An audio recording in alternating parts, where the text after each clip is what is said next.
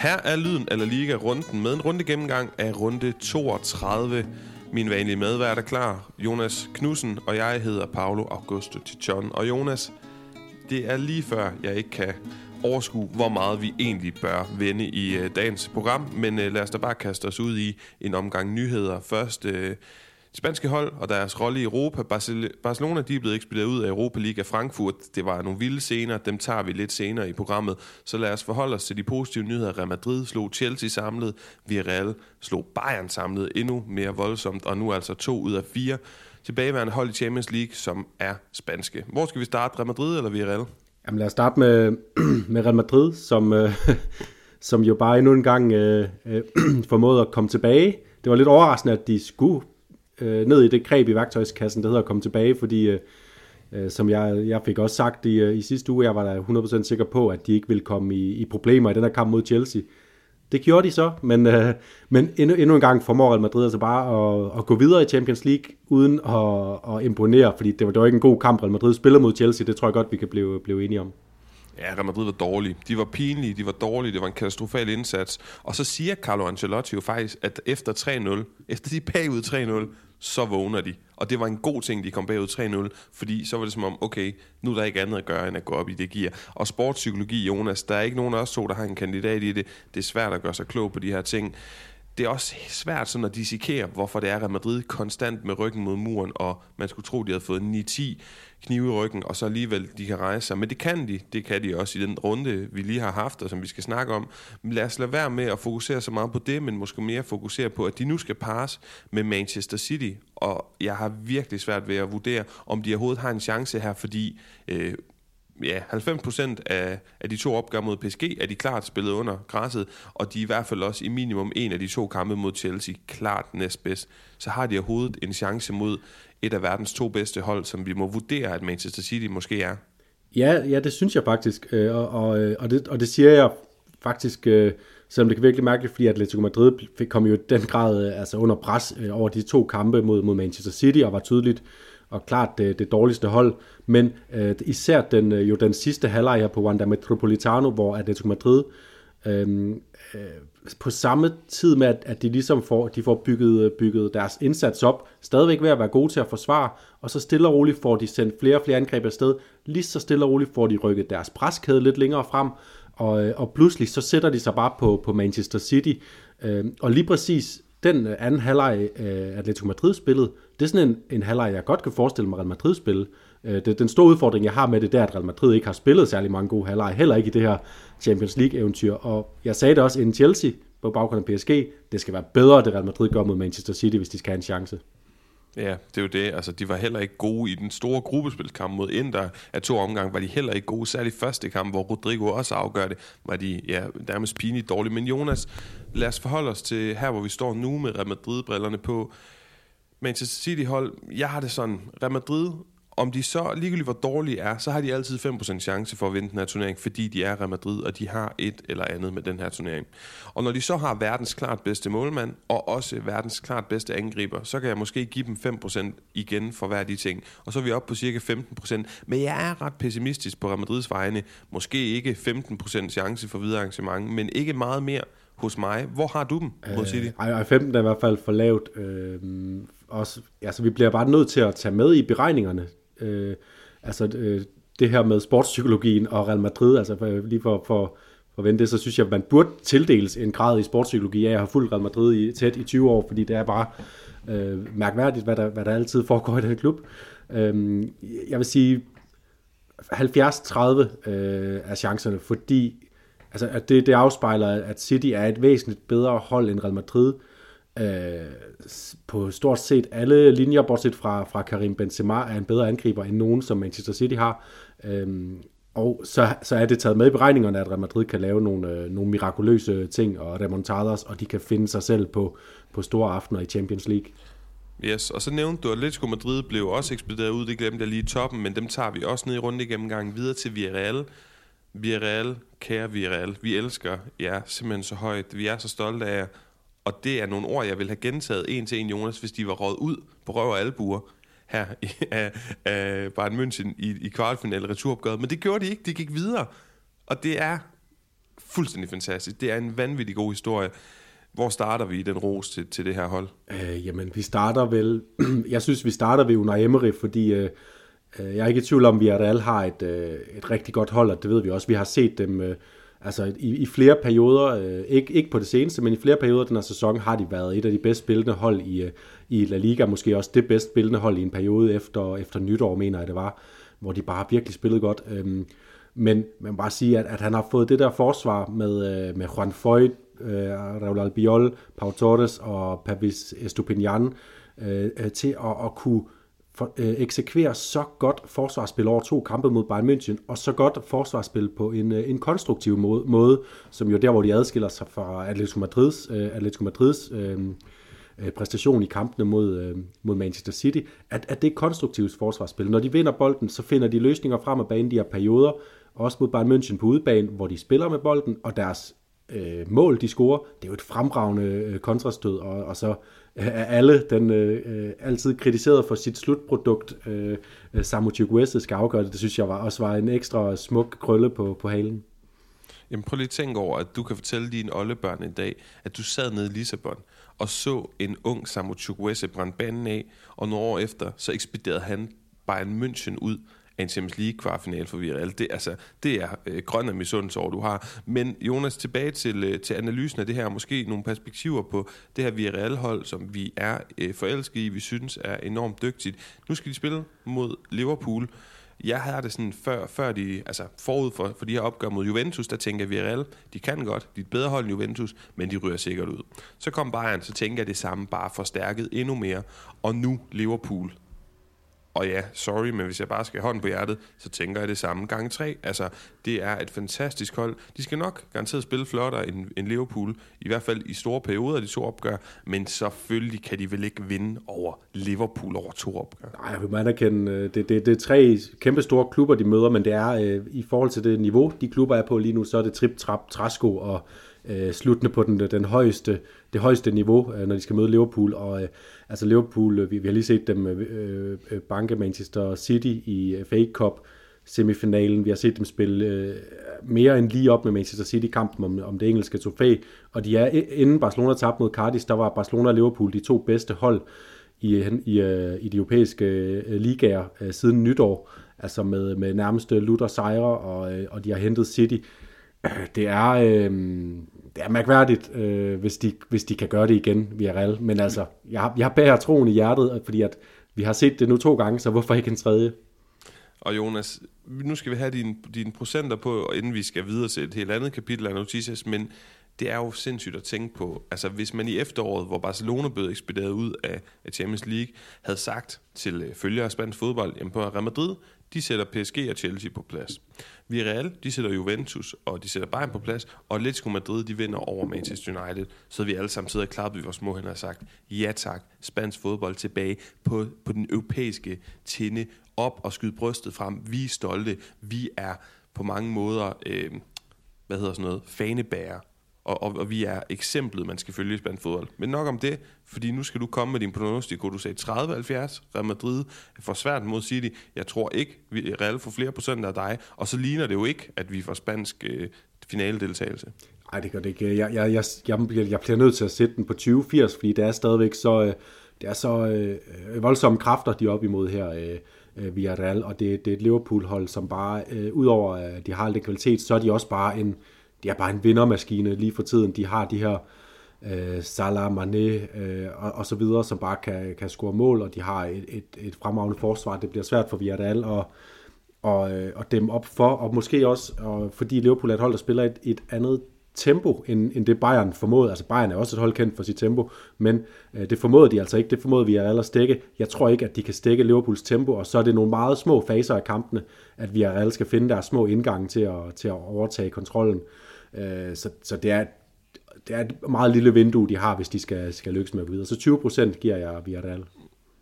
Modtaget. Og Jonas, spansk fodbold har vi lige snakket om nu i uh, snart 10 minutter, er, er noget at være stolt over. Og så nogle gange er det ikke. Øh, I hvert fald ikke, når at der kommer lækkede lydoptagelser, som der har været her de seneste. Jeg tror, startede ikke i går, eller i hvert fald sent i går aftes, eller også har det været i dag, hvor at det Gerard Piqué er ude i nogle lyssky aftaler med Luis Rubiales for det spanske fodboldforbund, eller hvad? Kan du lige starte med sådan helt kort og præcist hoved og hale i den her historie? Ja, men hoved og hale det er jo, at øh, vi, som vi alle sammen ved, så er der jo kommet det her nye format i, i øh, Supercopa de España, hvor at i stedet for at spille øh, opgøret over to kampe i Spanien på henholdsvis øh, øh, kopvinderens hjemmebane og mesters, øh, mesterskabs, den forsvarende mesters hjemmebane, øh, Øh, i, i et øh, opgør over to kampe, så rykker, at rykke til Saudi-Arabien, hvor det spilles som den her miniturnering med semifinaler og finale i, i januar, i, altså i, i den øh, saudiarabiske hovedstad Riyadh.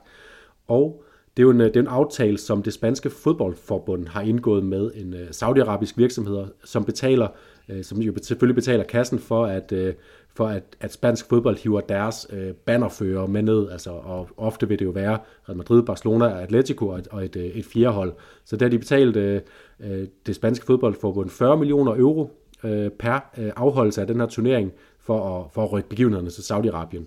Det der så er er kommet frem, siger jeg i godsøjne, fordi det har egentlig, øh, det har egentlig været lagt frem i, helt fra starten, at Gerard Piquets firma Cosmos har spillet en rolle i de her forhandlinger med det saudiske, saudiske øh, firma. Og det, som nu er kommet, øh, er, er kommet i fokus på grund af nogle øh, lækkede lydoptagelser, øh, som El Confidencial har bragt, det er, at Gerard, Piquet, øh, øh Gerard Piquets firma de modtager et øh, honorar på 4 millioner euro per afholdelse af øh, Supercopaen, og øh, som Rubiales øh, forsvarer det med, det er, at det er en helt almindelig ting, at der er nogen, der, op, op, øh, der udfører en konsulentopgave, og at det bliver de betalt. Og som Piquet lægger vægt på, det ikke er det spanske fodboldforbund, som jo er en, øh, en offentlig institution i det spanske, så det vil være sådan lidt, det, det, der, det bliver lyssky det hele, at det er en, en aktør i en fodboldverden, som øh, modtager en store summer af en offentlig aktør i det, i det spanske civilsamfund. Øhm, det som Piquet så siger, det er, de modtager jo ikke pengene af fodboldforbundet, men af det saudiarabiske firma Sela, som er dem, som de har forhandlet aftalen med.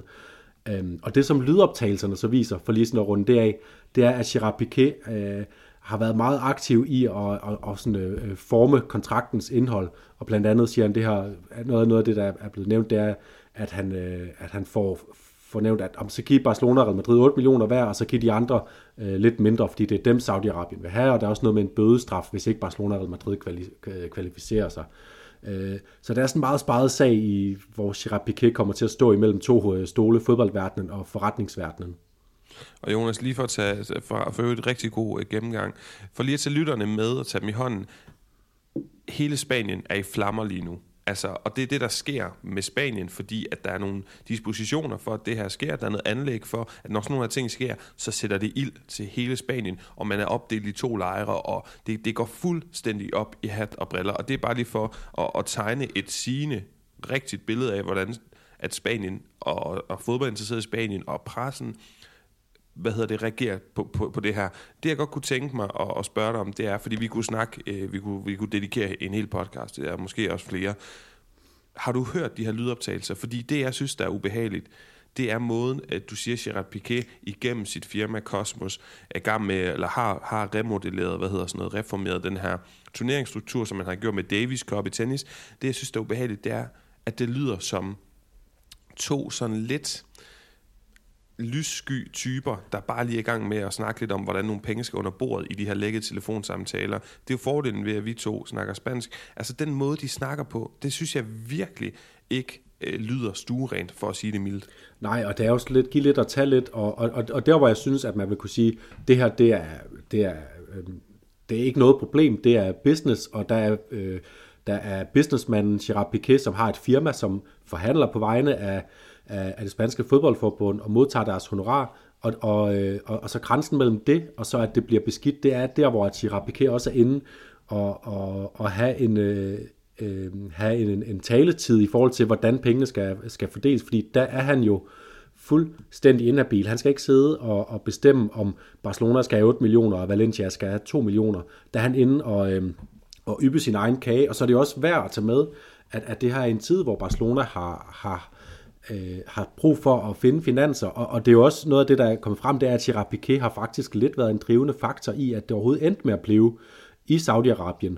Øh, og, og, øh, og, og det er jo bare Gerard Piquet, som ikke som direktør for Cosmos, men som ambassadør for FC Barcelona, prøver at finde den løsning, der er bedst for FC Barcelona, eller sådan kan det jo i hvert fald smage for dem, der, dem, der lytter med i det. Og der, der bliver det problematisk. Og som du siger, så trækker det bare nogle konnotationer til øh, Øh, den spanske befolknings mistillid til det politiske system, som jo er noget, der går øh, ja, over 100 tilbage, at, at, at korruption har været en, øh, en, en central ting i det spanske øh, politiske system og civilsamfund. Ja, altså korruption i Spanien og med politikere, det, det, hvis ikke man ved øh, noget om, om, om Spanien, så kan jeg bare fortælle jer lytter, det er så betændt dernede, og man, der er så stor mistillid, som du siger, Jonas. Men øh, lad os lukke det ned her, fordi at øh, vi skal vidt omkring. En sidste kommentar herfra er, at øh, det er, nu ruller der sådan en bølge, og vi så, jeg tror også, det var lidt konfidentielt, der, der for noget tid siden lækkede nogle øh, telefonsamtaler med Florentino Pérez, og nu kommer de sådan et rul, og anden rul, anden telefonsamtale blev lækket, der snakker øh, Gerard Piquet nemlig om det, du er inde på her til sidst, Jonas, med, at det faktisk nærmest er ham, der er med til at udpege Saudi-Arabien som sted, hvor der er, de, altså det er den der jargon, han bruger med, at de svømmer i penge dernede. Altså det er det, der er så ubehageligt og, og det lyder meget uprofessionelt. Og han siger også til Luis Rubiales, det er jo de to, der har den her telefonsamtale. Der er ikke nogen mellemmand, der er ikke noget formelt møde, det er bare en telefonsamtale, øh, hvor han siger til Rubiales, jamen, øh, hey, kongen, du ved, vores konge, Juan Carlos den første, prøv lige, kan du ikke lige øh, prikke til ham? Det, han er nok en god øh, mand at have ind over her, for han har et godt forhold til Saudi-Arabien. Så ja, Ja, og det er også lige det, der kaster den ekstra glitterati ud over den her historie, at, at øh, den afgåede spanske konge, øh, øh, han, er, han, er, han er med i, i spillet, og det er, det er også noget, man siger, at Piquet har jo brugt ham i sin, øh, også igennem Cosmos øh, sit virke med at arrangere øh, Davis Cup, øh, og har haft ham til at åbne Davis Cup i Dubai og, og så videre, og så vil han også lige bruge ham til at, at skaffe lidt penge til, til, til spansk fodbold, og øh, i sidste ende også øh, FC Barcelona vi følger op på den her sag. Det er i hvert fald øh, brænde på bålet for alle Real Madrid-fans, der i forvejen måske ikke synes, at Piqué er den mest sympatiske person i verden. Men Jonas, lad os øh, love hinanden, vi følger op på, på øh, sagen her, og så lukke ned og komme til den runde gennemgang og alt det spanske fodbold, vi jo måske allerhelst gerne vil snakke om. Det kommer her. Good evening. Good evening. Good evening. Good evening. Good evening. Good evening. Jonas, øh, vanen tro, så kommer der her resultater fra runden, der er gået fredag aften. Real Sociedad Betis 0-0. Det var altså ikke overraskende, når man kender La Reals hjemmebanestatistik. Den her sæson, lørdag, fik vi Elche Mallorca 3-0 til Elche. Jonas, du troede Mallorca, de ville vinde, men Elche, der havde savnet skade Lucas Bouchet, de vandt alligevel overbevisende 3-0, og et kæmpe skridt imod overlevelse for Franciscos tropper. Så fik vi endnu et ja, stort skridt imod i hvert fald et, et bud på at overleve fra baskerne Alaves, der senere lørdag vandt 1-0 over Rayo. Og øh, ja, det er jo rigtig fint for nyligt udnævnte Julio Velasquez. Så fik vi Valencia Osasuna 2-1 til ja, Jagoba Arasates tropper i Ingemandsland er begge hold lidt, men nu kunne man godt overveje om Osasuna, hvis de er lidt heldige, hvis de har lidt vind i sejlene her i de sidste par runder, kan, ja, om ikke andet, komme op i nærheden af de her Europa-pladser. Getafe Villarreal, den blev øh, 2-1 til Villarreal. Jonas, vi har begge fået tatoveret Fernando Reutsch og Macadona-logoet på lægen her i weekenden, fordi de var så gode og ekspederer bare München ud. Men de skal altså stadigvæk huske også at være gode i La Liga, hvis de vil have europæisk fodbold i kommende sæson. Så øh, søndag startede vi Granada Levante 4-1 til Levante. Jeg forudsagde det lidt øh, i sidste runde, afgørende rolle også af José Luis Morales. Hvem ellers? Jeg havde godt nok ikke forudset, at Granada efter kampen ville ja, øh, ansætte Aitor Carranca, José Mourinho's gamle assistenttræner over hans tre sæsoner i Real Madrid. Nu er han Granada-træner. Ojo, det bliver vi nødt til at holde øje med det der, Jonas. Men det ser ikke godt ud, og det lugter af 16-17 om igen i Granada. Atletico Madrid, de vandt 2-1 over Espanyol. De skulle rebound efter det her City-exit, og igen en ekstrem scene. Ekstremt dramatisk scoring, der afgjorde det øh, ja, til 2-1, ligesom i første opgør mod Espanyol den her sæson. Atletic Klub, de uh, tabte 2-0 til Celta Vigo, der var på besøg, og det gjorde de blandt andet, fordi Fran Beltran, han scorede un golazo de la puta madre. Sevilla, de troede, at de skulle øh, ja, sætte øh, de kommende mestre på plads. 2-0 var de foran i pausen, og alligevel Real Madrid repetition af det her remontrada, og det snakker vi lidt mere om senere, hvor Jonas har lovet, at vi hylde mestrene, fordi de er jo mestre nu, selvom det ikke er en formalitet endnu. Og mandag, vi får kampen med, fordi vi optager tirsdag.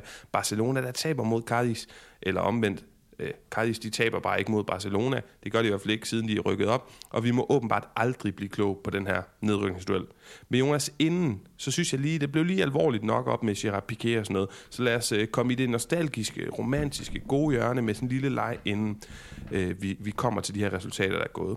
I, øh, hvornår var det? For et par dage siden, så tweetede jeg, at nu er der altså ikke meget mere end en måned tilbage, før at følgende spillere i La Liga, de ikke har nogen kontrakt, og vi altså dermed ikke er garanteret at få lov at nyde dem længere i La Liga. Det gælder Luis Suarez, Luka Modric, Gareth Bale, Marcelo, Isco, Usman Dembélé, Januzaj, Sergio Roberto, José Lu, David Silva, Radamel Falcao, Joaquin, Nacho Monreal, Dani Alves, Javier Pastore og Jens Jønsson.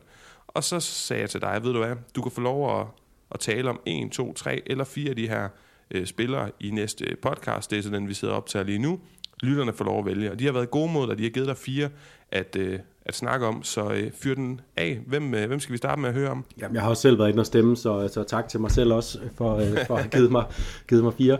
Jamen, den, den første, jeg vil jo fat i, det er selvfølgelig Luka Modric, øh, fordi vi ser øh, lige nu øh, i disse dage, hvad den mand er i stand til. Det har vi set de sidste mange år, men øh, det vi ser, at han bare kan blive ved. Og øh, Øhm, uanset at øh, hvis benene begynder at blive lidt trætte i næste sæson, så er det en spiller, at Madrid øh, øh, har brug for, for at være op øh, på deres bedste niveau, og Kammervinger er ikke øh, klar til at tage over. Fede Valverde en helt anden type, Toni Kroos, hans niveau er dalet lidt mere, øh, mens Luka Modric nærmest er blevet bedre.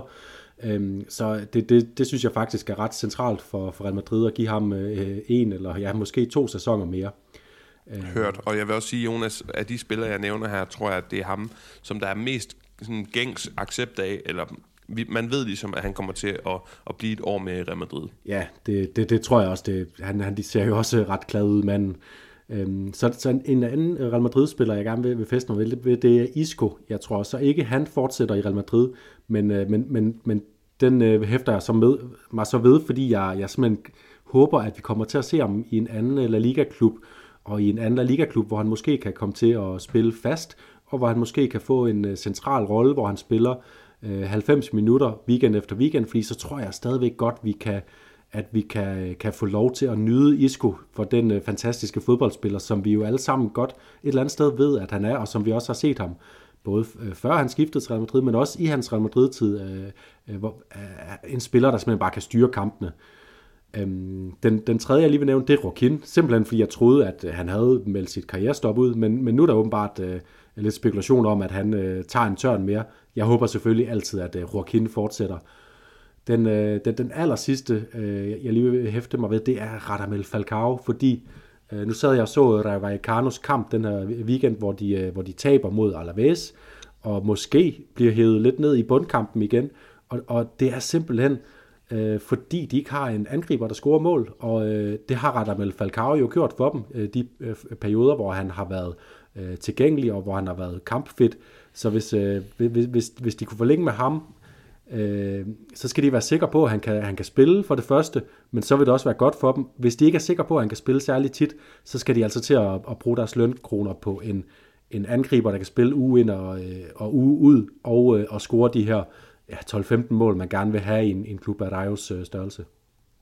Ja, jamen jeg er enig, og, og så må jeg bare sige, fire lækre spillere, du nævner, især I skulle hæfte mig ved. Jeg, jeg tror, alle folk, der, der følger spansk fodbold, håber, at han kommer sted hen, hvor han bliver fodboldmæssigt relevant, har ikke været det siden sommeren 2018, hvis du spørger mig, og ah, men der er så mange klubber. Man håber altid Valencia ja. med fortiden. Du håber, jeg sidder også og tænker, at Villarreal kunne være et, et fedt sted. Sevilla under Lopetegui, at der hvor sådan rygtet er mest varmt, men der er masser af steder. Betis, hvorfor ikke? Og de er også lidt fedt spillende. Ja, ja endnu, en, Kanale, endnu en langsom tekniker til, til, deres, til deres midtbane, til deres offensive ja. midtbane. Så Jonas, vi har løje med de her spillere, der altså vil ikke at øh, have meget længere tid tilbage på kontrakten, men nu hen til de fodboldkampe, der er spillet, og lad os da bare starte med Atletico Madrid, som øh, skulle bruge rigtig lang tid på at vinde fodboldkampen over Espanyol. Øh, tilbage i september, der scorede Lemar til stilling 2-1 efter 98 minutter og 55 sekunder. Og i den her kamp, vi havde weekenden, der scorede Carrasco til stilling 2-1 i, efter 99 minutter og 22 sekunder. Begge er de seneste sejrsmål i La Ligas fodboldhistorie. Er det den store, altså den her med Carrasco og det sene mål, er det den store historie for den her kamp for dig? Øh, ja, det er det. Og, øh, og så er det jo bare Atletico all over igen øh, fra den her sæson, at de, øh, de spiller en, øh, en dødssyg første halvleg, hvor der hverken sker noget fra deres side eller fra modstanderens side, bortset fra et enkelt godt øh, hug fra Raul de Tomas efter en brilliant aflevering af Sashi Dardere, som bare spiller forrygende for tiden. Øh, og så er det selvfølgelig værd at hæfte sig ved, at Jan Oblak, som, øh, som vi lige har som vi har fået talt lidt op igen på det, på det seneste, fordi han har stået en række, række gode kampe, ganske enkelt efter, at det var ellers den dårligste sæson i hans tid i Atletico, han er i gang med. Han simpelthen laver et kæmpe drop øh, på det frisbaksmål, og Raul de Tomas, han, øh, han skyder ind. Det er, det er ren og skær målmandsdrop. Det er, det er, det er forfærdeligt at se Jan Oblak øh, i den rolle der. Nu, nu gør jeg lige noget, man ikke må i podcast. Jeg har simpelthen glemt en klub, Isco han skal i forbindelse med Real Sociedad fordi David Silva der er oppe i årene, Rafinha der er på lån. Nå, men det, den skulle simpelthen bare lige nævnes, Jonas. Men til, tilbage, til, tilbage til den her kamp. Øh, fuldstændig enig, og, og jeg har jo siddet og tænkt, vi er derhen nu i sæsonen, hvor at man godt kan begynde at parkere nogle hold og tænke, at deres, deres sæson er jo reelt set færdigspillet. Atletico Madrid ude af ja, alle turneringer og kan heller ikke vinde ligaen. Men de skal passe på, det snakker vi altså også om sidst, i forhold til ikke at miste den her Champions League adgangsgivende plads. Og Shaw Felix, som har været en af de bedste ude resten af sæsonen. Thomas Lemar udgår i den her kamp, er også, har været muskelskadet flere gange i den her sæson. Måske også derfor, han ikke har fået, hvad kan man sige, fortsat det, den flotte sæson, han havde i fjor, eller sidste sæson. Og han er måske også ude resten af sæsonen nu. Det kommer ikke til at blive kønt, og det er, kommer til at blive med lodder og trisser. Cholismo style, at de skal øh, ja, færdiggøre den her sæson og blive i top 4. Ja, det, det, det positive take på, på den øh, på, på Lemar øh, Felix situation, det er, at øh, Kunja kommer ind, øh, og altså Felix er faktisk udskarp ud de minutter, han spiller i den her kamp mod, øh, mod Espanyol, øh, og, og Kunja kommer ind og ligner en spiller, der kan gøre en forskel, og det må man i den grad også sige, Carrasco gør øh, i forhold til den rolle. Altså, ham og Lemar har lidt af de samme egenskaber, selvom at de, de udfører dem lidt forskellige steder på banen. Carrasco, han er bare fantastisk igen. Altså, det er ham, der, der ene mand hæver det her øh, Atletico Madrid-hold op over Espanyol i den her kamp. Øh, det er også ham selv, altså han scorer de to mål, det ene jo så på straffespark, det er ham selv, der fremprovokerer det her straffespark med en fantastisk øh, dribling i øh, uh, dybt ind i overtiden nede på, på baglinjen, og øhm, ja, det, det, det, det er ham, man skal kigge mod. Vi sagde det også før City-kampen. Han kommer ikke til at spille den store rolle i, i City-kampen, men, øh, men, men når Atletico Madrid skal bruge mål, skal bruge, bruge kreativitet, så er det Carrasco, der skal stå for det. Mm. Jeg ved ikke, om vi lige hurtigt skal hæfte os ved, øh, nu kommer vi lidt hurtigt over det, hvor gode de var mod Manchester City i det sidste, den sidste halvleg der, og hvor, hvor opløftende det var, og det, det får mig til at tænke tilbage på de her kampe i gruppespillet mod Liverpool, hvor jeg også synes, de i perioder var fuldstændig altså, jeg, jeg skulle sige lige så gode, men nej, de var jo faktisk meget bedre end Liverpool i perioder af de her to gruppekampe. De var meget bedre end Manchester City i den her sidste halvleg, og jeg ved godt, at det, det er jo ikke repræsentativt for øh, de to opgør mod City, eller de to opgør mod Liverpool, at man i perioder er bedre. Men jeg får lyst til at læne mig op, at de her postulater, der er kommet i den senere tid, og vi har snakket meget om dem, Jonas, med spansk fodbold er så langt væk fra engelsk det er jo klart, det, det, det, det provokerer jo os, som er fortæller for spansk fodbold, og ikke nødvendigvis siger, det er partout det bedste fodbold i verden med øh, kæmpe maven ned til nummer to, men når folk de kommer og peger fingre på den måde, og man så modbeviser dem, i hvert fald til dels, så får man jo lyst til at læne sig op og, og, og så se, prøv lige at se der. Ja, lige præcis, og, og, og, og det som er bemærkelsesværdigt ved det, det er jo også, at det, det så tydeligt er gameplanen, altså over de to kampe, så har Simeone tænkt, hvis vi kan holde øh, Manchester City væk i tre halvleg, så kan vi godt øh, gå op og drille dem øh, på en halvleg over øh, fire halvleg. Der ville Atletico Madrid blive dræbt, hvis de havde skulle spille den her slags fodbold, fordi så var de også blevet fanget i Manchester Citys kontramaskine set over to øh, kampe, og det er jo også noget, Manchester City kan med de her øh, spillere som øh, Mares og, og øh, og Raheem Sterling og Phil Foden og De Bruyne, der kan fø- øh, drive bolden frem, hurtigt baks og så videre. Så altså, Simeones gameplan, den virkede, men Manchester City var bedre, og øh, på den måde så, øh, så endte tingene, som, som de skulle.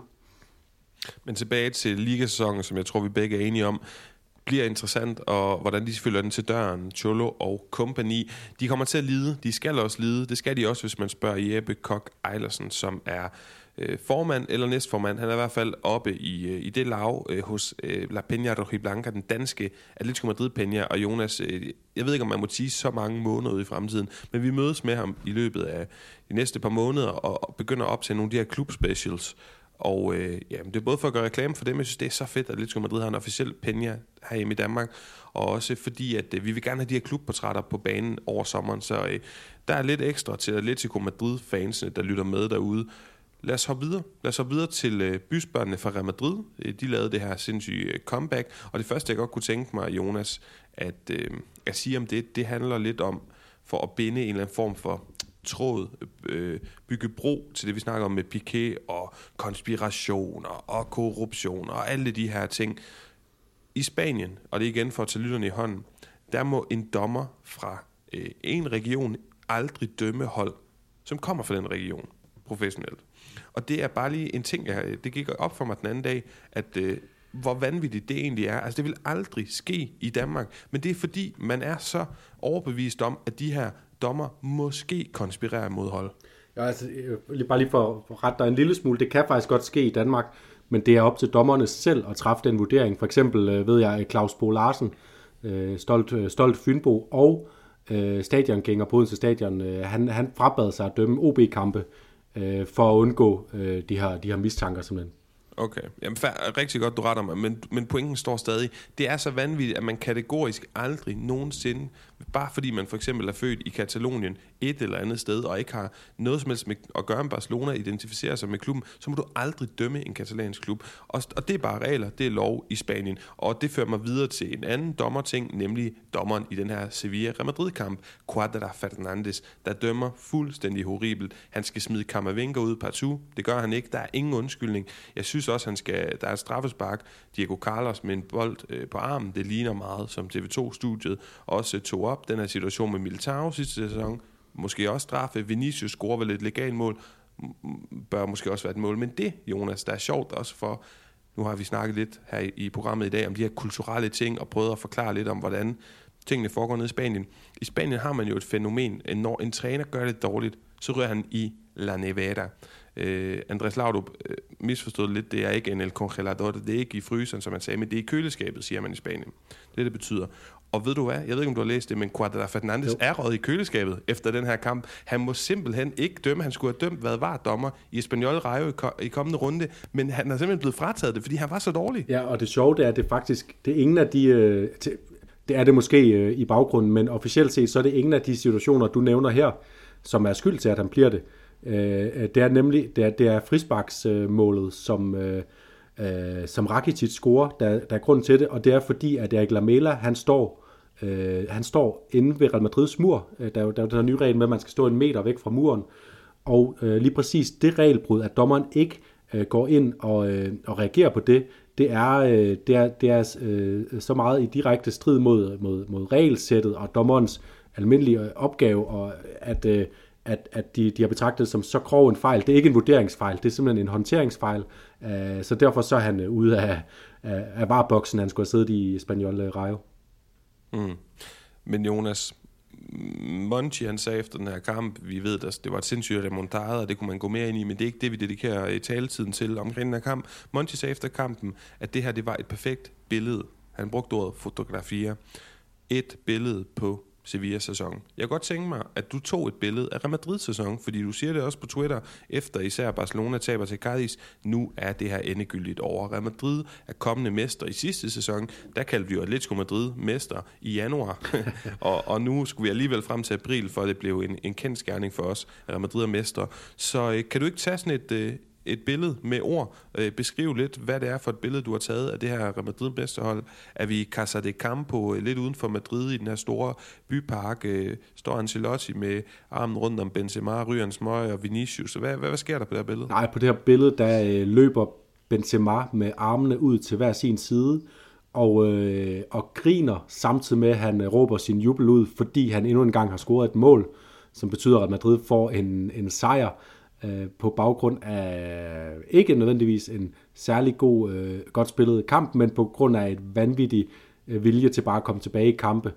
Det siger jeg, og, og det, er faktisk, det er jo faktisk primært baseret på Real Madrids præstationer efter øh, nytår, fordi at i efteråret, der vil billedet, jeg tog bare være et øh, samlet Real Madrid. Måske der stod med Carlo Ancelotti i midten, og øh, han fik sig en, øh, en smøg, og de andre stod og grinede lidt, fordi i efteråret, der spillede Real Madrid bare øh, bedre end alle andre hold i La Liga, var det bedste hold, lå derfor nummer et, og efter nytår, så har de, øh, så har de altså haft, øh, ja, så har de bare haft den der øh, Real Madrid øh, kynisme til at lukke kampe, og, og, og det perfekte billede, når Monti siger, det er det for Sevilla, den her kamp, så er det jo også for Real Madrid, fordi de spiller en dårlig an, øh, første halvleg. Man sidder og tænker, hvad skal der, hvad, hvad skal der ske? Er de, hvorfor, hvorfor, hvor, hvorfor spiller de så dårligt? De er på vej til at blive mestre og sådan noget.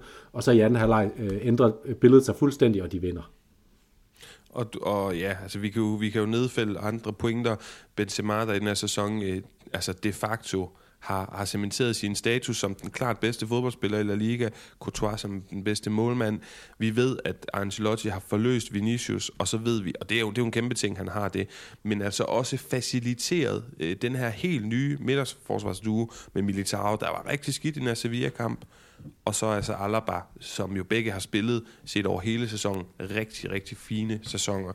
Det er sådan mine pointer. Har du ja, flere? Ja, og de har gjort det med, øh, altså uden at de har haft øh, sådan nogen stabil konstellation i forhold til, hvem der har været udenom dem. Altså, der har været rigtig meget udskiftning på bakpositionerne. Vi så også Cavaral spille venstre, øh, venstre bak den her, øh, den her gang. Lucas Vazquez har været inde, Nacho har været inde, Mandi, Marcelo har været inde og lave, lave ja, nogle, øh, mildt sagt, øh, shaky præstationer her og der, men alligevel har Militao og Alaba øh, øh, klaret skærende. Øh, Øhm, så ja, det, det, er, det er de billeder, vi har. Altså Vinicius og Benzema, øh, Alaba og Militao, deres, de to partnerskaber hver sin ende af banen, og så selvfølgelig den lille, den lille Mozart i midten af det hele, som altid hiver tricks op af ærmet. Øh, øh allerbedst eksemplificeret ved den her yderside aflevering til Rodrigo mod, mod Chelsea. Ja, og ved det er vildt godt, du lige siger det, fordi Modric har været brutal, som man siger i Spanien. Altså brutalt godt spillende. Men jeg skulle lige til at nævne, ja, og så har Ancelotti jo også bare haft sin gode midtbane. Men når jeg lige sidder og sådan kigger det efter, altså, øh, jeg synes faktisk, Kroos har spillet en, en, en, en halvsløj sæson. I hvert fald ikke en af sine bedste. Og det samme med Casemiro. Så det, det synes jeg egentlig også er interessant. Jonas, jeg vil også lige have en pointe med om, hvad Ancelotti har præsteret uden for banen. Han er en rolig mand, det ved vi. Men jeg synes, det er flot, hvordan han hele tiden har haft overskud til at kapere den her spanske presse, der har givet så mange træner rynker på panden, især senest Zidane, som jeg egentlig tror, at det, det var mere pressen end øh, så meget andet, der, der gjorde, at han ikke ville fortsætte øh, forud for den her sæson. Øh, jeg synes, øh, han, han virker meget ydmyg og taknemmelig. Jeg er glad for, at jeg har fået en chance. Det troede jeg ikke, jeg gjorde ved at, øh, at komme fra øh, ja, ikke at præstere så flot i Everton til lige pludselig at få den her. Han er, han er vanvittigt vældigt roser Villarreal, når han ikke øh, nødvendigvis er blevet spurgt ind til det, fordi de går videre i Champions League. Er en gentleman, Husk altid at sige muchas gracias, buenas tardes og så videre på de her pressemøder. Og alle de potentielle, fordi der er stadigvæk meget polemik omkring Real Madrid. Eden Hazard, Gareth Bale, Isco, Marcelo, de har ikke spillet. Jovic, de har været elendige. Der har været alt muligt uden for banen, og jeg synes virkelig, han har håndteret det flot. For det er jo ikke hans skyld, at de her spillere, det tror jeg i hvert fald godt, jeg efterhånden synes, jeg kan, ja, at jeg tør at sige, jeg synes ikke, det er hans skyld, at Hazard og Bale ikke er bedre, end de er. Nej, og det, jeg, jeg læste også i en øh, klumme, øh, jeg kan ikke lige huske, om det var i, i Marca eller El País, eller, eller, eller det, var, det, var en, øh, det, var enten, det var en af de to, øh, men at, at Ancelotti, han, han er jo et eller andet sted den, øh, den perfekte Real Madrid-træner, det perfekte billede på en Real Madrid-træner, fordi der, der er jo snak om det her med øh, Del, Del Bosquismo, med at, øh, at man skal, det, det var jo historien om Del Bos, det var, at han bare var en, en alfaderlig figur, der kom ind, og så skulle han sørge for, at omklædningsrummet havde det godt, Øh, og hvis omklædningsrummet havde det godt, så havde Real Madrid den bedste trup, og så spillede de god fodbold og vandt. Øh, det var så ikke helt tilfældet med i Galacticos-serien der, men det ligner det jo, at det er det, der er på spil for Ancelotti, at, og, og, og at han kan skabe noget, der udad til i hvert fald, og når de er på banen, og når de øh, jubler over deres sejre sammen, ligner et, et omklædningsrum i, i fuld øh, harmoni med sig selv, i en situation, hvor du, som du nævner, at at nogen, en af klubbens store koryfæer, nogle af de dyreste indkøb i klubbens historie, de bare sidder ude og øh, jeg ved ikke om de surmuler, men de er i hvert fald ude og har al mulig grund til at være utilfredse med, med sig selv og med deres situation, at han så kan skabe harmoni i et omklædningsrum, der bare kan gå ind og levere øh, de her øh, vanvittige ting øh, ved at øh, igennem øh, utroligt sammenhold og øh, og, og harmoni, det, det, det, er, det er altså stærkt imponerende. Og, og så kan det godt være, at han har haft nogle, øh, nogle sådan taktiske svipser her og der, som vi har kritiseret ham for, men når alt kommer til alt, så står han her, hvor han gør i dag, fordi at han er, er en, en vanvittig dygtig træner. Mm, lige præcis. Jamen øh, Jonas, øh, vi stopper selvfølgelig ikke 100% med at snakke med, om Real Madrid for resten af sæsonen, men nu har vi ligesom parkeret det her mesterskab, øh, og så kunne jeg egentlig godt tænke mig at nå at snakke om, eller undskyld, FC Barcelonas kamp i runden, der gik. De taber mod Cadiz, og jeg har et par statistikker med til dig. Vil du først høre en om Pedri eller Xavi? Øh, så giv mig Pedri. Pedri, når han spiller i La Liga for Barcelona, så vinder de 89% af deres kampe. Vil du prøve at gætte på, hvor mange procent de vinder uden ham? Øh, ja, skal vi sige... Det må være sådan efteråret. Hvor mange point havde de efteråret? Øh, 45 procent.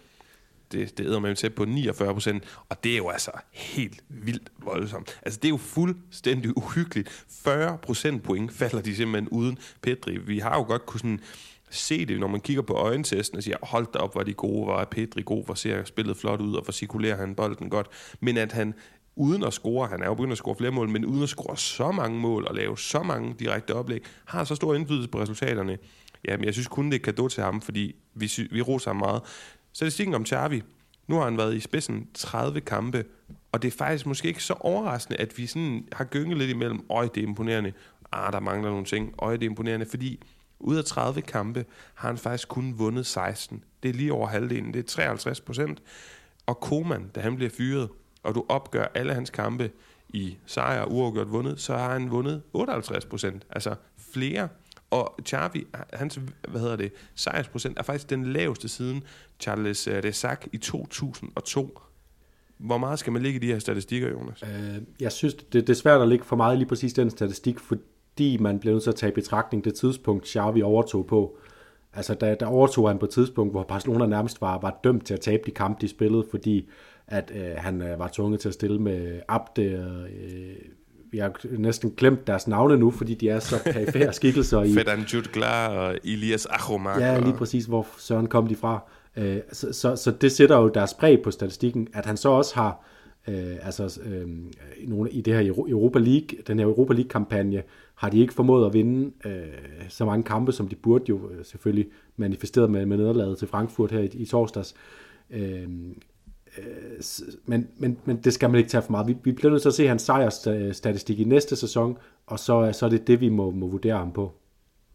Jonas, øh, de her scener, der udspiller sig med Frankfurt-fasen i Europa League, dem kommer jeg til i koringerne, så lad os, øh, lad os gemme dem dertil. Men hvad betyder det, som man altid spekulerer i, Span- i Spanien? Animicamente, altså fornemmelserne, hvad hedder sådan noget, sjælen, ånden, altså hele stemningen og humøret i klubben. Det er nok humøret, som var det bedste ord oversætter animicamente med. Hvad betyder det for humøret i den her trup, at de først taber i Frankfurt? Håndgribeligt, så ligner det så, at det betød, at de også vil tabe mod Cardis. Det kan også øh, blive nødt til at være, være en våd losing i ansigtet, eller en våd klud, siger man vist, at først taber de Europa League ryger ud mod Frankfurt, og så vinder Real Madrid den her kamp, de lignede, at de var ved at tabe, hvor der kunne komme en lille bitte, bitte knist tilbage i mesterskabskampen. Og det betyder måske så også, at de taber til Cardis, eller hvad?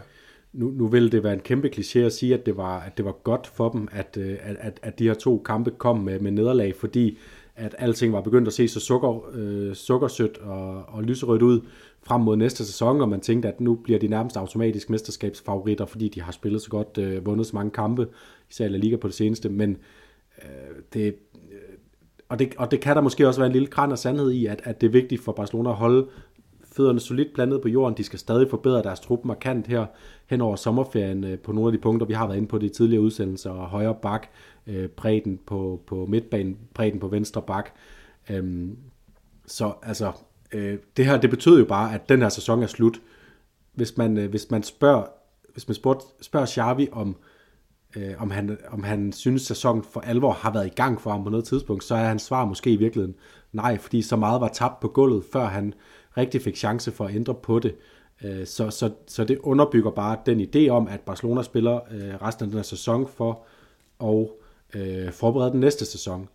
Øh, vi skal så bare lige have med, at, at, at nederlaget til Cardis, det betyder jo faktisk, at hvis Barcelona løber ind i et øh, nederlag mod enten Real Sociedad eller Rayo Vallecano den her uge, så er Champions League-alarmerne tændt igen, som de, som de var tidligere på sæsonen, og så skal de til at, at tage de sidste kampe rigtig seriøst, hvis de vil sikre sig at være med i, øh, i, det, i Champions League næste sæson.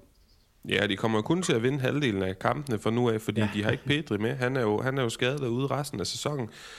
Nej, men Jonas, jeg synes, spøg, spøg til side, det er, jo ikke en, det er jo ikke en spøj, og jeg tror, at de fleste Barcelona-fans sidder og ryster en lille smule på hænderne lige nu. Hvor meget skal de det, hvis man også tager Sevilla, Atletico Madrid ind i den her øh, ligning lige nu? Det er de tre hold, som ikke er Real Madrid, der er mester, men altså hvad hedder det, kompletat, de fuldender den her top 4 lige nu. Der er en Real Betis og en Real Sociedad, der, der ligger lige bag dem.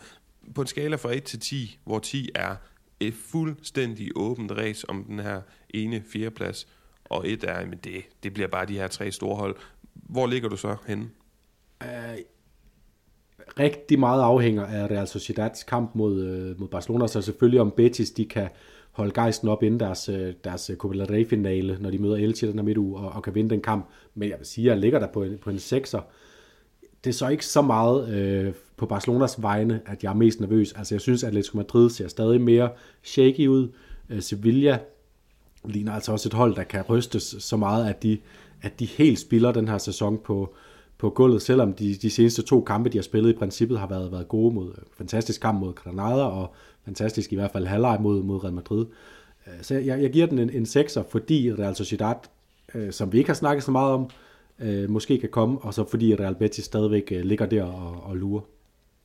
Jeg fatter ikke Real Sociedad. Jeg fatter simpelthen ikke, jeg synes, de har været jo, godt spillende med fuldstændig sløje, dårlige resultater, kan ikke score mål.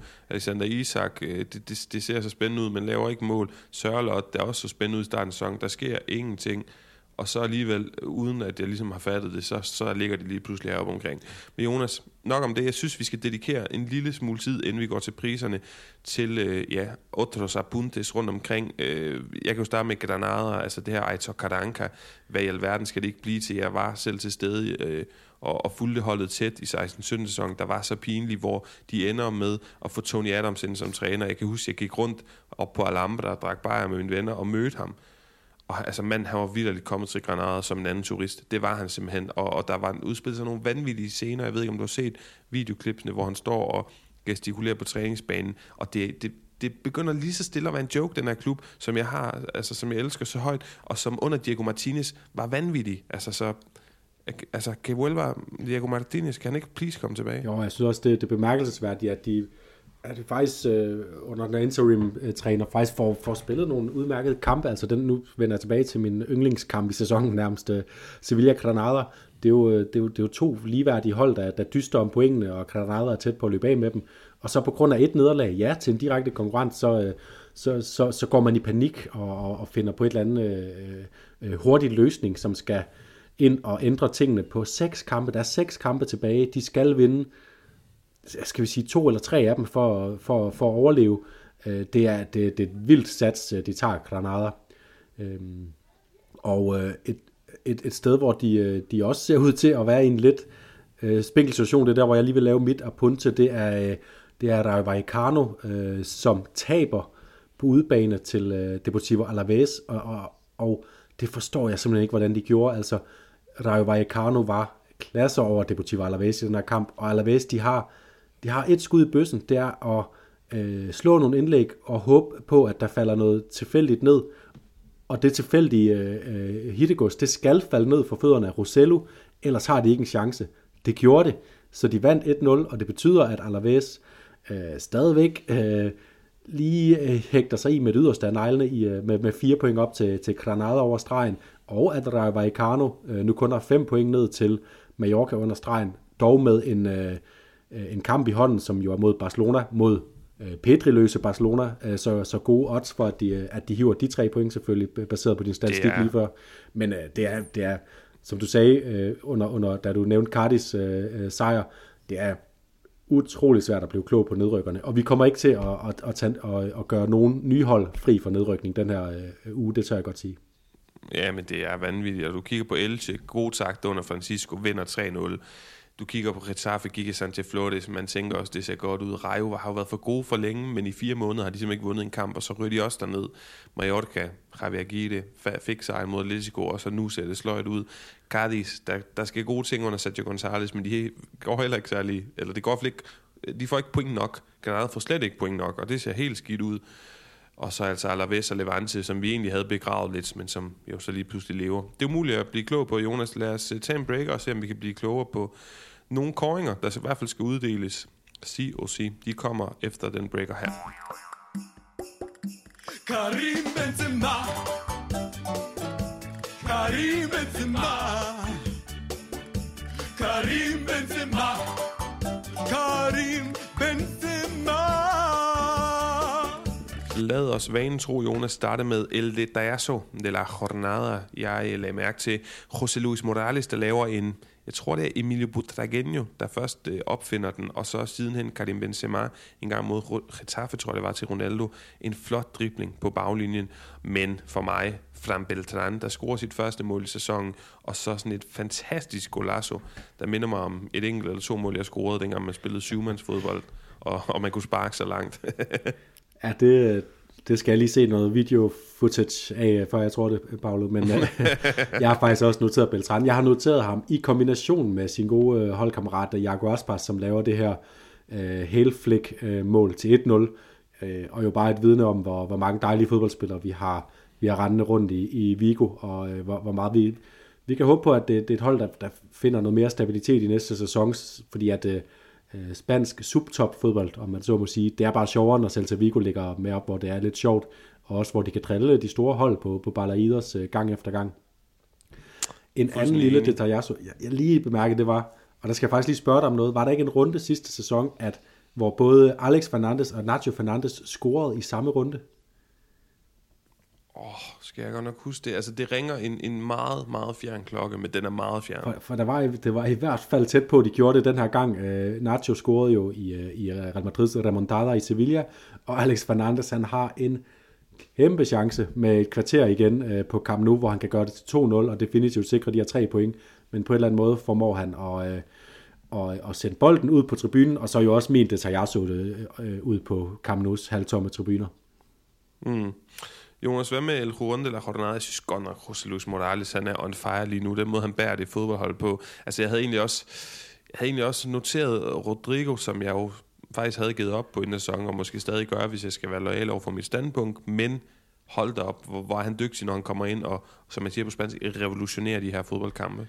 Ja, det er, det, er, det er to rigtig gode bud. Jeg har også noteret mig Yannick Ferreira Carrasco, øh, for, hans, den, for den indflydelse, han har på Atleticos sejr. Øh, Øh, og så er der to målmænd, synes jeg, der, der også lige øh, stikker ud den her, så, øh, den her runde. Det er den ellers meget kritiserede, men alligevel altså stabil præsterende Mathias Di Toto fra, fra Celta, som har rigtig mange gode redninger i deres 2-0 sejr op i, i Bilbao, og selvfølgelig Ledesma, som, som jo det er jo altid svært, det er altid svært at se, hvor store redninger det er, han laver, men i hvert fald laver han redninger, der er underholdende for os som publikum at se på, og han lavede mange på, på kamp nu, så han er i hvert fald en, honorable mention. Men hvem får den? Jeg, jeg synes, at... Øh, skal, vi, skal vi ikke lige skubbe på Levante og sige, at, at øh, vi, vi giver den til, til Morales, øh, øh, fordi vi også øh, så håber, at han kan, kan tage rosen med videre, og så lave et par stykker til dem her, så det kan blive rigtig spændende for, for Levante. Jo. Jeg sørger for at overleve den personligt, og så øh, se, om jeg kan få en videohilsen med til, øh,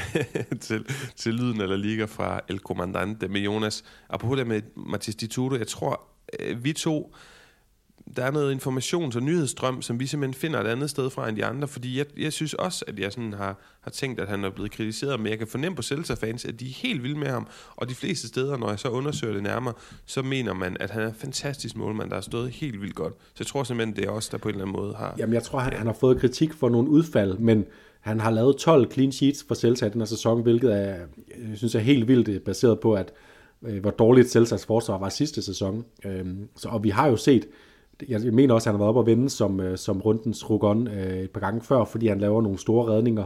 Han har også øh, fået min øh, Douglas på et tidspunkt for nogle drops. Så, så jeg tror, det er de der udfald, som gør, at, at vi har en fornemmelse af, at han nogle gange bliver kritiseret, men sådan all in all, så har Celta altså fået en, en målmand, øh, der, der, staberer, der, der præsterer på et, øh, på et stabilt højt niveau. Yes. Jamen øh, videre til øh, Douglas Daniel Alves. Douglas for mig, det er de her scener, der udspiller sig på Camp Nou, men jeg vil godt nuancere det lidt. Det er Semana Santa i Spanien, eller har lige været. Det er en meget speciel uge, den her påskeuge. Det er en hellig uge. Øh, familier rejser og bruger det som anledning til at, at, at se familie, der bor andre steder, end hvor de lige gør. Det tror jeg rigtig mange katalaner og mange Barcelona Socios gjorde i den her periode. De rejser, det var festivo, det er helligdag, som det er også en anledning for ikke at tage på stadion, hvis du spørger i Spanien. Sådan er kulturen dernede, og desuden en festivo, der ligger op af en, en dag, hvor der så er arbejde, og så en dag efter det, som igen er helligdag. Og så gør man det i Spanien, det kulturelle fænomen, der hedder Asette Puente, at man laver bro, så man tager den dag, hvor man egentlig skulle arbejde imellem de to helligdage, fri, og så har man en længere periode, hvor man kan se familie, som bor et andet sted i landet det tror jeg er forklaringer på, at der ikke var så mange Barcelona-fans til stede. Øh, jeg tror også, at det med, at det er Europa League og ikke Champions League, gør selvfølgelig også en, en forskel. Og så det er jo også tiltrængte penge for, for alle spanier. Jeg har snakket med mange spanier igennem årene, som er øh, sæsonkortholdere i forskellige klubber. Det koster ikke særlig mange penge. Relativt selvfølgelig koster det mere i Barcelona, men du kan tjene ekstremt mange penge på at videresælge dit sæsonkort. Det, det adgangsgivende, det har på en enkelt kamp. Det gjorde de nede i Granada, da jeg boede der. Hvis du solgte, du kunne nærmest få et helt sæsonkort, hvis du bare solgte den ene kamp, øh, hvor Barcelona eller Real Madrid kom på besøg. Og det tror jeg også er et fænomen her. Og desuden sidste forklaring på de her scener, som jo stadig ikke er okay, men bare en forklaring, det er Frankfurt. Det, der er en helt anden udebanekultur i tysk fodbold, og derfor kommer alle de her tyskere, der er godt værd i Spanien, tapas, sangria, det er påske, vi har mulighed for at rejse derned. Og det er noget af det, der gør, at de her uheldige scener udspiller sig. Ja, og så er det også det med, at, øh, at, at for Frankfurt-fans, der er det, altså Barcelona hæver jo priserne helt vanvittigt til den her kamp, fordi det er en afgørende kamp lige pludselig i en øh, øh, kvartfinale i Europa League. Øh, og, og for Frankfurt-fans, så er det en øh, en gang, engangs i livet oplevelse. For Barcelona-fans, så er det en, ja, så er det også en forhåbentlig for dem engangs i livet oplevelse, men på den dårlige måde, fordi det er Europa League, de er vant til at, at skulle bruge den sum penge på at se Champions League kvartfinaler, Champions League semifinaler osv., øh, så, så derfor så, øh, så, så var der ikke nogen, simpelthen ikke nogen øh, lokale Barcelona-fans, der, øh, var villige til at betale det, det kostede at komme ind og se den kamp, altså dem, der ikke havde sæsonkort i forvejen. Øhm, og, så, og så er der også et andet aspekt i det her, det er, det er, det er noget, der kommer sådan helt ind i, i roden af, hvad, hvad Barcelonas udfordringer er i den her tid. Det er, det problem, du, du nævner her, det, det er et lokalt problem, men FC Barcelona, det er en, en klub, der, der hele tiden balancerer mellem at være det her lokale fænomen, Kataloniens øh, ubevæbnede her, Barcelonas øh, store øh, stolthed, 100.000 på stadion, øh, tifos med øh, katalanisme, barcelonismo og øh, en øh, spillestil osv., som er for, forankret i de lokale værdier, og så en kæmpe global øh, virksomhed, som i høj grad lever, og det var også derfor, Barcelona blev ramt hårdere end alle andre klubber i verden, da, da corona-pandemien øh, øh, for alvor satte ind, fordi de lever så meget af turister. Det er så meget turister, der, der fylder Camp Nou op, når der er fyldt. Det er turister, der spytter penge i Camp Nou-museet, i merchandise, i, i de her dyre billetter selvfølgelig. Og, øhm, og nu ramte dem så selv i røven, fordi så har de ikke noget øh, middel til at sikre, at det ikke er Frankfurt-fans, som jo i princippet bare kan komme og være turister. Øh, så tager de bare deres hvide trøje på. Øh, og og der, er, der er simpelthen et, altså som Laporta har sagt, vi er, ledelsen er ansvarlige, men ikke skyldige, fordi der er en masse mekanismer på spil, men de bliver nødt til at have fundet en, øh, en måde hvorpå, og det har de også begyndt at arbejde med øh, af, af ordene fra Laporta, øh, og arbejde på, at der ikke kan komme øh, endnu et scenarie som det her, hvor at øh, tyskere fylder stadion på den måde. Fordi det var, jeg kan lige forestille mig, hvor ydmygende og bittert det har været at sidde og være FC Barcelona-fan inde, inde på det stadion. Det har ikke været sjovt. Men det har også været ubehageligt, Jonas, og flere beretninger fra fans om, hvordan de sådan er blevet skubbet eller truet eller voldelige øh, opførsel fra tyske fans, og det er meget en ting i Spanien, at når de her udebanefans med deres kultur kommer engelske, tyske, så er man meget påpasselige øh, skræmmebilleder og narrativer, der kommer i pressen. Og, og så kan jeg rigtig godt lide en journalist. Jeg elsker, når at, at folk de kommer med et take, man ikke havde tænkt på, men som er, er oplagt. Så bare en journalist skrive på Twitter, det her, hvis UEFA de har nogen som helst form for anstændighed, så kommer det til at koste Barcelona dyrt. For du må ikke. Der er en grund til, at du skal have en meget lille procentdel ude fans. Det er decideret farligt, og, og, og det lokale politi har ikke de her ressourcer. Så måske der også kommer stadionbane af det her. Men nok om det, Jonas. Vi kommer ud på et, et, et relevant sidespor, men jeg har jo slet ikke hørt, hvad din Douglas er. Øh, jamen det var, det var faktisk også øh, det var faktisk også den og, øh, og så har jeg øh, lige en, en anden lille en fordi VAR har jeg været meget fokus dommerne har været meget fokus den her den her runde, som jeg også har været inde på med Quadrana øh, Hernandez, der ikke kommer til at dømme øh, sin var dommerchancen kommende, kommende runde. Men det er det her med, når der er de her var-situationer, hvorfor er det så, at spillerne hele tiden er henne i en klynge om dommeren? Altså, det er, øh, det er virkelig dumt, det er barnligt, det er latterligt, fordi det er jo ikke dommeren, de kan påvirke i den situation for det første. Det er varerummet, der sidder ude i øh, rum i Madrid og, og, og, og, og, bestemmer hvad, for, hvad de siger til dommeren, og i sidste tilfælde skal dommeren så selvfølgelig tage beslutningen, men det er jo ikke spillernes øh, råd til ham, han, han tager med. Og så også lige var, altså det her med de her tvivlsomme hands-situationer, det er bare noget, jeg troede, at Altså jeg synes, i den første halvdel af sæsonen var det som bebudet kommet lidt ud, at vi så de her mærkelige situationer, hvor man ikke vidste, hvad der skulle dømmes. Det er bare i den grad tilbage. Der er hele tiden de her tvivlstilfælde, hvor VAR dømmer små bitte hands, øh, som, øh, som man aldrig nogensinde ville kunne se, og som øh, dybest set også bare burde lades passere. Altså Raul de Tomases øh, for eksempel, øh, som så bliver straffespark til, til Atletico. Det havde alle levet fint med, hvis det havde passeret videre, fordi dommeren ikke havde set det. Mm. Yes, jamen øh, modsat Jonas Daniel Alves, positiv side af skalaen. Jeg øh, sidste uge sagde bare Villarreal, fordi det var den mest positive historie, der var i spansk fodbold. Jeg tror bare, jeg gentager mig selv. Nu var det ikke bare en øh, enlig sval. Nu ekspederede de faktisk selve Bayern München ud af Champions League. Jeg vil dog godt også lige nævne en anden ting, og det er Raul de Tomas, som bliver spurgt ind til øhm, den her situation, hvor Carrasco jo får et straffespark, fordi den angiveligt øh, rører hans arm eller hånd på et eller andet tidspunkt, og afgør øh, den her kamp i dybden i overtiden. Meget polemisk, meget dramatisk, meget kontroversielt kunne det alt sammen være. Men han er fuldstændig øh, afdæmpet, og, og han, han siger bare efter kampen, ja, ja, for at være helt ærlig, jeg ved ikke, om der er hånd på. Jeg kan ikke lige sådan huske, jeg kan lige se, var der hånd på? Ja, det kan godt være. Og, og, og det er som om intervieweren, øh, Ricardo Sierra hedder han fra Movies, der, der har rettigheden, eller hvad hedder det, lov, adgangsgivende til ligesom at gå ind og stille de første spørgsmål til alle hovedpersonerne. Han, han leder lidt efter sådan, men helt ærligt, du må da sige et eller andet om, at det er noget latterligt, det her. Og, og det ville han bare ikke, Raul Thomas. Han var helt fuldstændig afklaret med, ved I hvad, det kan godt være, det straffespark. Og det sidste, han siger, og det tror han snakker for alle folk, der følger fandt fodbold. Jeg forstår mig ikke på hans reglerne. Nej, og det, det sjove ved det, det er faktisk, at Raul de Tomas, han ser i den grad skyldig ud i situationen, fordi han, hans øh, umiddelbare reaktion, da han skynder sig at hive armen ind bag på ryggen, og ligesom for at lade som om, der har den været hele tiden, øh, her dommer. Øh, så, så han kunne godt mærke i hvert fald, at der var noget, der var, der var, der var på færre der.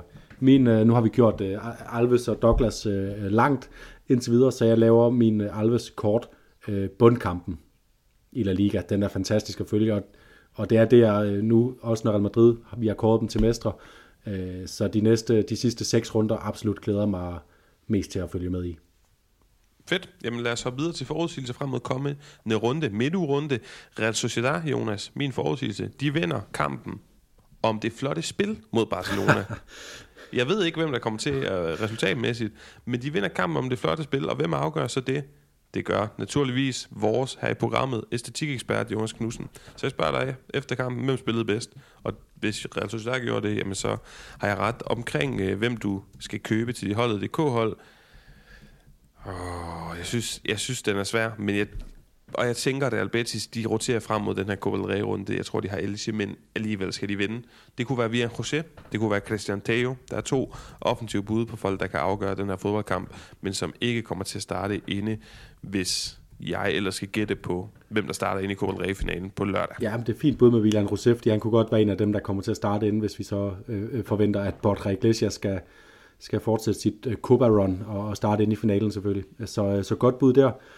Øhm, mit, jeg, jeg foreså jo, at Mallorca skulle vinde over Alaves sidst, øh, nej, over øh, øh nu kan det, Elche, Elche øh, sidste gang. Det formåede de i den grad ikke, så jeg giver den altså lige et skud mere øh, og siger, at den her gang, der vinder de over Alaves på hjemmebane. Fordi det er jo også sådan, i den her bundkamp, det er som om, øh, man giver lidt, man tager lidt. Alaves vandt sidst, Mallorca tabte sidst. Øh, nu mødes de på Mallorca, så selvfølgelig vinder Mallorca over Alaves, og det bliver med... Øh, Øh, ja, jeg, jeg anbefaler ham sidst ved at Moriki. Nu anbefaler jeg ham øh, en ekstra gang, og ser om ikke jeg har bedre held i, held i sprøjten.